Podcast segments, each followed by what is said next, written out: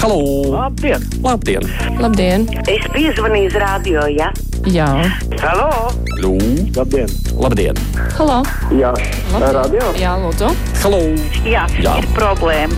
Vajag Nu. risinājumu. Tāruņa numuri mūsu studijā 67 222 888 67 22 559. Vats apziņas var sūtīt pa tālruni 25 660 440. Nu, un, protams, vienmēr var rakstīt no mūsu mājas lapas ēterā skanošiem raidījumam. Klausītāji mums zvana. Labdien! Jā, var, labdien, var runāt. Jā? Jā, lūdzu! Jā, man tāds sakāmais, kādi vēlētāji, tāda saima. Te ir svarīgi, lai vēlētājiem būtu pieejama patiesa un vispusīga informācija. Kam ir informācija, tam pieder vara. Ja valdība nekompensēs Latvijas pastam preses piegādi, tā grib atņemt tautai varu. Vēlētāji ir jāizglīto, jo kāpēc tad saimnes vēlēšanās piedalījās tikai pāri pa pusei balstiesīgo? Jāprasa satiksmes ministrijai, kurš ir pasta nodaļu reorganizācijas idejas autors. Daudzi dati ir noslepamoti, aizbildotinoties ar komerc noslēpumu. Cik izmaksā viena pasta ēka? Ja runājam par citu te, tēmu, kā piemēram izšķērdību, tad tikai viena vida ēka, ēkas noma maksa ir, vien, ir vesels pusmiljons. Jā, nu paldies par jūsu apsvērumiem. Klausītājs Valdis mums raksta, viņš grib uzrunāt tos, kuri izsakās, vai mums vajag tik ļoti palīdzēt Ukrainai, ja reiz tur tik daudz oligarhu, kuri paši varētu palīdzēt savai valstī. Valdis raksta tā. Tiešām jūs esat tādi romantiķi, cik oligarhu jūsuprāt cīnītos par Latviju, paliktu šeit un materiāli palīdzētu, ja nedod Dievs Latviju nonāktu līdzīgā situācijā. Visi muktu neatskatīdamies, esiet taču realisti. Nu, ko es tur varu vēl tik piebilst, ka mēs jau palīdzam Ukraiņiem, Ukraiņiem cilvēkiem, nevis kādiem Ukraiņu oligarhiem. Uldis raksta, vakar cilvēks jautāja par pensijām, ko Latvijā saņem citu valstu pilsoņi. Tās varētu saņemt ne tikai Ukraiņi, bet visi, kuru valstīm ir līgums par sociālo nodrošinājumu.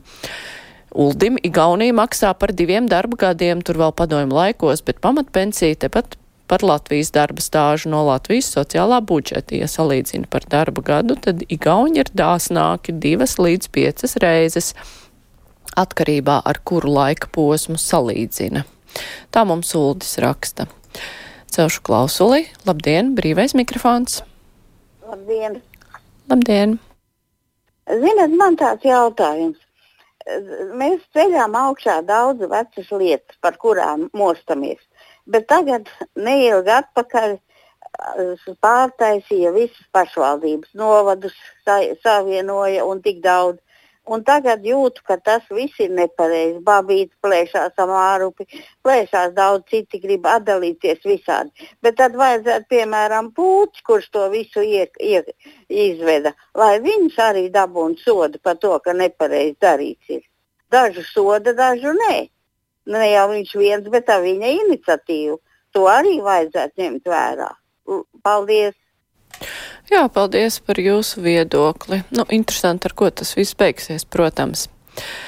Tā klausītājs raksta, piekdien viena supergudra kundzīte ieteica savu ideju, ka vajadzētu no katra pensionāra un vispār no jebkur iekasēt naudu vismaz pusprocentu apmērā Ukrainai. Klausītāja, klausītājs vai klausītāja raksta, ka tad tā ieteicēja, ja tik ļoti vēlas, lai ziedo visu savu pensiju gada garumā šai lietai. Nu, mēs redzam, ka šis klausītājs negrib ziedot Ukrainai, bet es pilnīgi piekrītu, ka tā ir brīvprātīga lieta un piespiedu kārtā kaut ko atskaitīt jau nu galīgi nebūtu pareizi. Un tā mums arī toreiz teica brīvā mikrofona viešņa. Klausītājs zvana. Labdien! Labdien! Es gribēju pajautāt tādu lietu. To, kas notiek Ukrajinā, to es piedzīvoju jau 40. gadā, jo tad es sāku iet skolā un es labi atceros. Bet ma, mums ir jautājums, kas tie tādi uh, jaunatvieši, vai tad Krišjāns Valdemārs pa Krievi ir palicis? Jā, paldies. Man šķiet, ka jūs jau vienreiz šo jautājumu uzdevāt. Tā klausītājs viesturs raksta labdien, vai vēl kādā valstī ir tā, tev sāp puncis, ātrs ārsts nosūta uz kobru un uz kobru pieraksts uz 20. augustu. Tas ir kā? Nu, gan jau kādā valstī tā vēl ir, bet ieteiktu pameklēt noteikti var tikt kaut kur ātrāk. Nu, tā vajadzētu būt. 20. augusts sāpošam vēderam ir pārāk ilgs termiņš. Tā klausītāja Agnes raksta, bet vai ir pareizi mūs salīdzināt ar Ukrainu? Ukraina var korupcijas dēļ zaudēt karu, bet mēs neesam piedzīvojuši tādu korupciju un neesam tik ilgi arī bijuši zem padomi okupācijas, tāpēc esam NATO, bet Ukrainai tas nespīd. Tā mums raksta klausītāja Agnese. Tā, bet es celšu klausulu, labdien! Labdien! Es gribētu pajautāt tādu lietu. Sakiet, vai iespējams uzzināt, kā mūsu deputāti ziedo Ukrainai. Ir tāds žurnāls, privātā dzīve. Nu, viņi kādreiz uh, arī tur rakstīja, kādas algas viņi saņem, cik viņi ir kredītos iekrituši un tā. Vai viņi nevarētu arī painteresēties par to, nu, nu, cik viņi arī, kā viņi ziedo Ukrainai. Es esmu ar mieru viņai ziedot, man tas nav nekas. Paldies! Jā, paldies! Nu, Nezinu, ja ir liels ziedojums deklarācijās, tas noteikti parādās, bet neliela ziedojuma diez vai. Klausītāja Agita raksta, pirmais zvanītājs acīm redzot nav pamanījis, ka priekšvēlēšana kampaņa jau sen pārcēlusies uz internetu, sociālajiem tīkliem. Edīta raksta daudz, saka, ka pārāk lēni pienāk palīdzību Ukrainai. Es gan domāju, ka viss pienāk laikā. Ne arī par visu tiek skaļi runāts, un nebrīnīšos, ja Francija arī pieslēgsies karam. Tāds komentārs no klausītājas. Ceļu klausulu labdien! Halo! Halo. Labdien! Labdien! Uh, Mīļie žurnālisti, man jums būtu viens liels lūgums vai jūs nevarētu norganizēt tādu, es nezinu, brīvo mikrofonu vai kādu, kur varētu.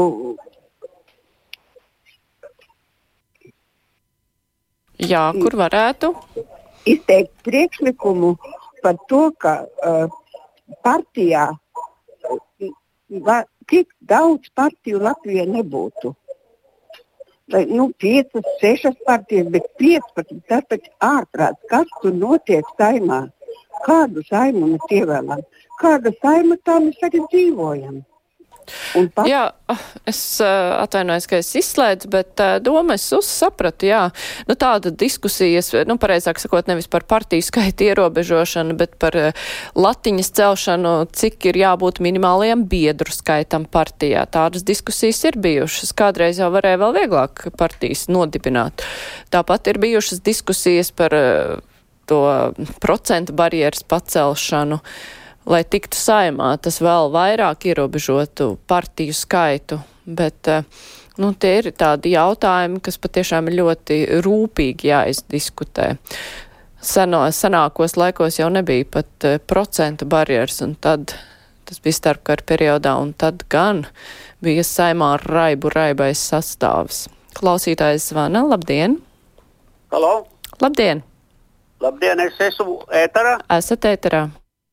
Jūs eh, zināt, ka mūsu senči cīnījās par savu tēvzemi, bija teiciens, tēvzemē grūti laiki, dēliem jāiet palīgā.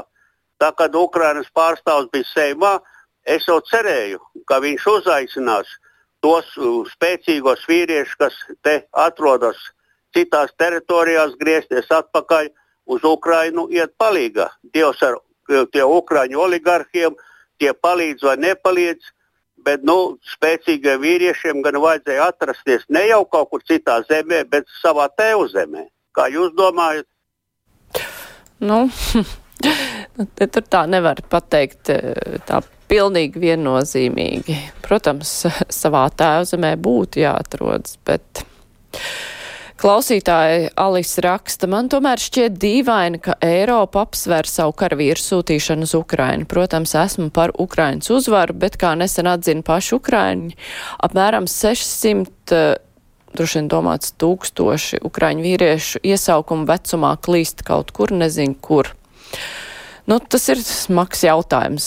Arī nevar tik vienkārši atbildēt. Jā, no vienas puses eh, cīņa par Ukrainu, bet tas ir šobrīd cīņa par Ukrainu. Mēs visi saprotam, ka ja Ukraina zaudē, tad Krievijai būs āķis lūpā doties tālāk un pie mums un tālāk citur Eiropā. Un, Tāpēc, ja mēs domājam par savu drošību, tad varbūt nav godīgi, ka tikai Ukraiņi cīnās par mūsu drošību. Jā, mēs dodam ieročus, bet nepalīdzam citādi.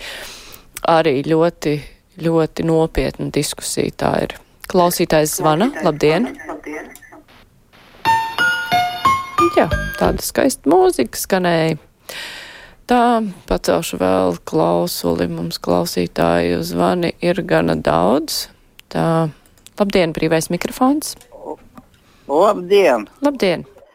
Ot, es arī piekrītu vienam uh, runātājam, ka tiešām mums tam ukrāņu puisim vajadzētu braukt uz dzimteni. Ja viņam vienīgais kā ar veselības problēmām, tā ir cita lieta. Bet ja citu mūku tikai tāpēc, lai iedzīvoties rietumos, nu neies nekā. Otrs jautājums.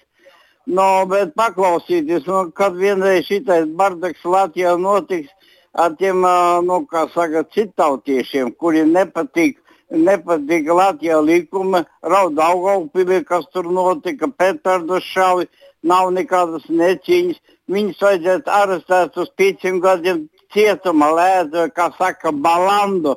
Un, lai zina, kas ir brīvā Latvijā, nepatīk, lai brauc uz savus dzimteni Krieviju. Paldies par uzmanību! Paldies par zvanu. Klausītājs Ernests piekrīt klausītājai, ka pie mums padomju okupācija bija samēru īsu laiku, tāpēc atgriezāmies Eiropas klēpī un izbēgām no tādas lielas korupcijas kā Ukrainā.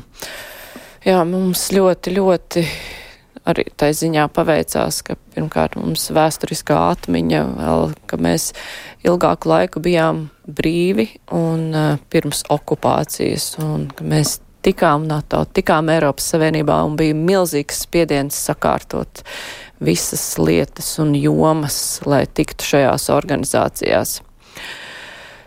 Klausītāja Iveta raksta, vai jūsu redzeslokā nonākusi alūksnes pašvaldība ar tās finanšu situāciju saistību apmēru tuvu 20% un spēju nākotnē pildīt pašvaldības funkcijas un spābūvniecības ieceri, kāds būtu valsts viedoklis vai neveidosies rēzeknes situācija. Paldies klausītājai par norādi. Varēsim pavaicāt mūsu nākamajā stundā arī, kas notiek alūksnē. Iespējams, ka kādam būs atbilde, bet eh, mēs, protams, runāt, centīsimies runāt par eh, vairākām pašvaldībām kopumā, kur ir parādījušās šīs te finanšu dažādās problēmas. Bet ar to brīvais mikrofons arī izskan. Paldies visiem, kas piedalījās. Tagad noklausieties ziņas.